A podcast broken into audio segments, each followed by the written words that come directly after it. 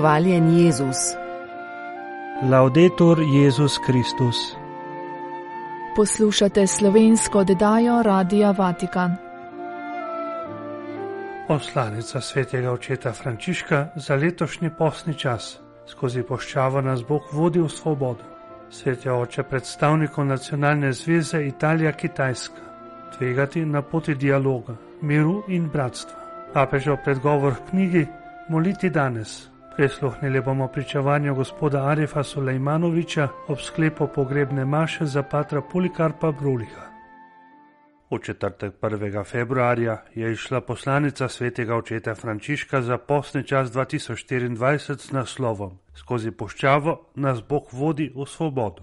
Ko se naš Bog razodeva, posreduje svobodo. Jaz sem Gospod tvoj Bog, ki sem te izpeljal iz egiptovske dežele iz hiše sužnosti. Tako se začne dekalog, ki je bil na gori Sion izročen Mojzesu. Ljudstvo dobro ve, o kakšnem izhodu govori Gospod. Izkušnja suženstva je še vedno vtisnjena v njegovo meso. V poščavi prejme deset besed kot pot do svobode. Mi jim pravimo zapovedi, s čimer poudarimo moč ljubezni, s katero Bog vzgaja svoje ljudstvo. Klic k svobodi je namreč močan klic, ne izčrpa se v enem samem dogodku, saj zori na potovanju. Kakor ima Izrael v poščavi še vedno v sebi Egipt, dejansko pogosto objokuje preteklost in godrnja zoper nebesa in Mojzesa. Tako tudi danes Božje ljudstvo nosi v sebi zatiralske vezi, za katere se mora odločiti, da jih bo zapustilo. Tega se zavedamo, ko nam primankuje upanja in blodimo skozi življenje kot v torobni postinji, brez obljubljene dežele, proti kateri bi se skupaj iztegovali. Post je čas milosti, v katerem poščava spet postane, kot oznanja prerokozej, kraj prve ljubezni. Bog vzgaja svoje ljudstvo, da bi stopilo iz svoje sužnosti in doživi prehod iz smrti v življenje. Kot ženin nas ponovno priteguje k sebi in našemu srcu še peta besede ljubezni. Sveti oče je danes prejel audienco predstavnike nacionalne zveze Italija-Kitajska, ki letos praznuje deseto obletnico ustanovitve. Srečanje v Vatikanu je tudi sovpadalo s praznovanjem kitajskega novega leta. Zveza poleg organizacije novoletnih praznovanj že nekaj časa podpira tudi številne pobude za spodbujanje dialoga med Italijo in Kitajsko ter na ta način vlaga v kulturno povezovanje, izobraževanje in skupne družbene vrednote.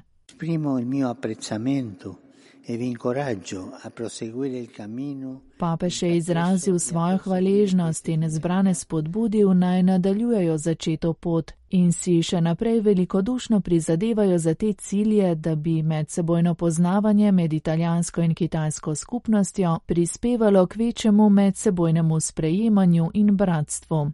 Zahvalo je sveti oče namenil tudi Akademiji kitajskih borilnih veščin iz Verčelija, ki je med audienco uprizorila tradicionalni kitajski ljudski ples z levom in zmajem. Lev in zmaj v tradiciji plemenitega kitajskega naroda izražata želje, da bi bilo novo leto rodovitno in polno dobrega. Kot je dodal, so akrobati specialisti za drzne vaje in predstave, pri katerih pa zelo veliko tudi tvegajo.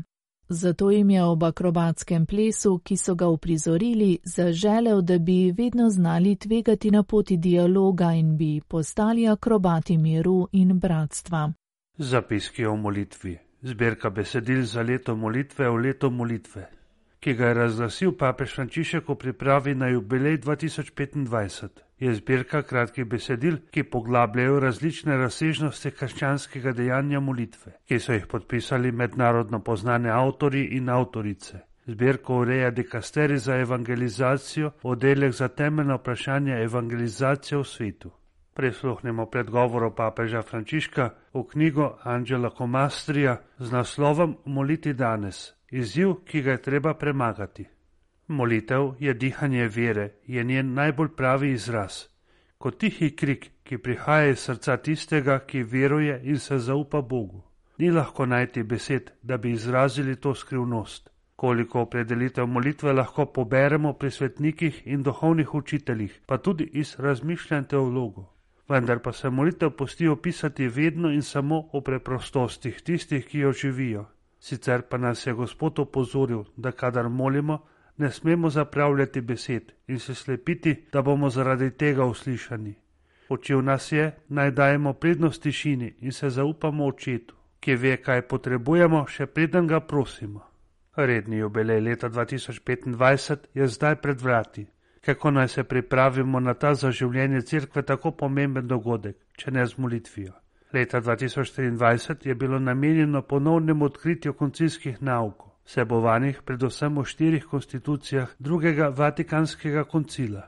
To je način, da ohranimo živo izročilo, ki so ga očetje zbrani na koncilu želeli položiti v naše roke, da bi preko njegovega udejanjanja crkva lahko pomladila svoj obraz in v primernem jeziku oznanjala lepoto vere moškim in ženskam našega časa.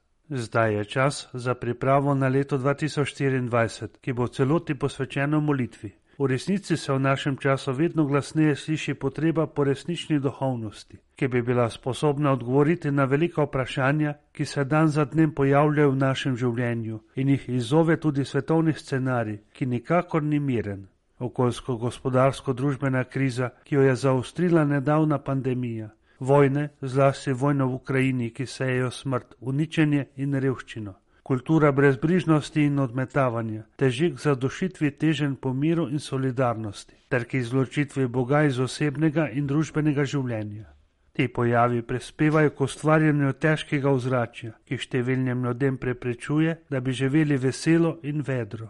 Zato je potrebno, da se naša molitev bolj strajno dviga k očetu, ker posluša glas tistih, ki se obračajo k njemu v zaupanju, da bodo uslišani.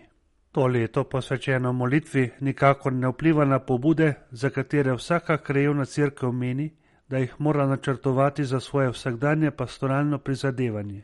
Nasprotno, opozarja na temelj, na katerem bi se lahko izdelali različni pastoralni načrti in dobiti svojo trdnost. Gre za čas, v katerem lahko tako osebno kot tudi skupnostno ponovno odkrijemo veselje molitve v različnostih oblik in izrazov.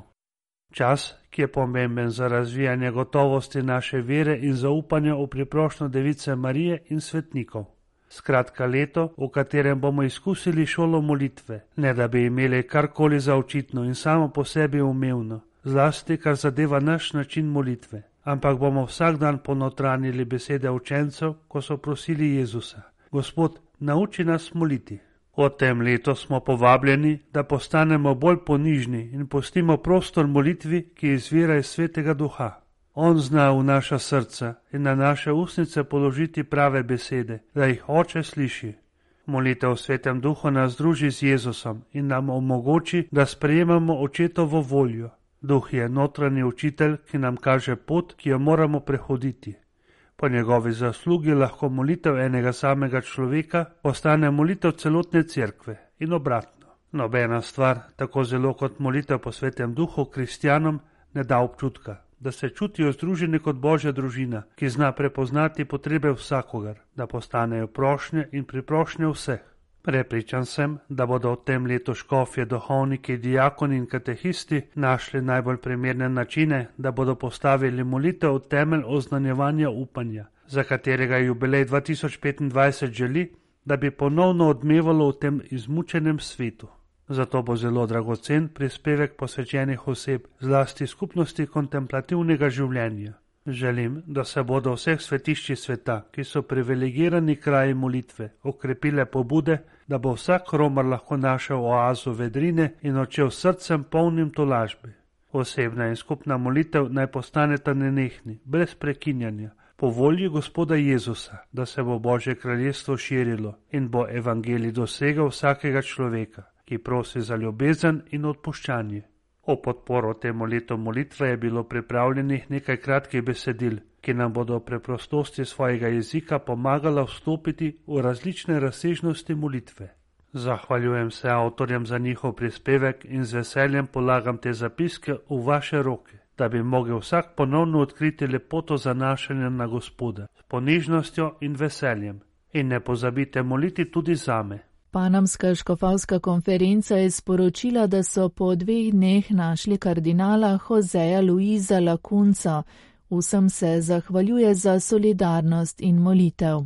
Kardinale Lakunca, škof panamskega mesta David, je bil pogrešan od torka 30. januarja, ko se je okoli 14. ure za njim izgubila vsaka sled. Svoj dom je zapustil brez mobilnega telefona, denarnice ali prtljage, škofija David pa je njegovo izginotje takoj prijavila na policiji in vernike pozvala k molitvi. Panamska policija je sporočila, da so 79-letnega kardinala našli v mestu Bokvete, približno 40 km severno od Škofije David. Video posnetek, objavljen na družbenem omrežju X, prikazuje policista, ki se skozi okno avtomobila pogovarja s kardinalom in mu ponudi vodo. Kardinal je bil videti dezorientiran, kot je sporočila Škofija, so kardinala Lakunco prepeljali v bolnišnico v Davidu. Uradno smo bili obveščeni, da so kardinala našli dobrega zdravja, vendar nekoliko dezorientiranega in da je zdaj v zdravstveni oskrbi, je za medije povedal panamski načkov Jose Domingo Uloa. Panamski generalni državni tožilec Javier Caraballo pa je takoj po prijavi pogrešanega poslal preiskovalce v zahodno provinco Kirikuj, kjer se nahaja škofija David. Novinarjem je povedal, da gre za občutljiv primer, v preiskavo pa je bila vključena tako državna kot lokalna policija.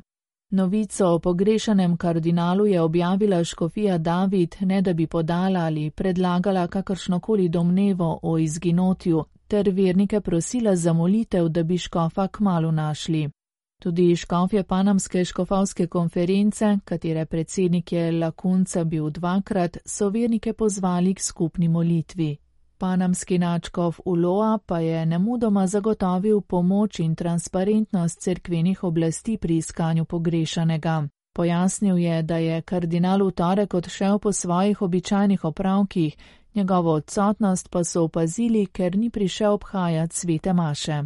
Kardinal Lakunca bo 24. februarja dopolnil 80 let, pripada Augustinskemu redu. Papež Frančišek ga je za kardinala umestil leta 2015, s čimer je postal prvi kardinal v zgodovini cerkve v Panami.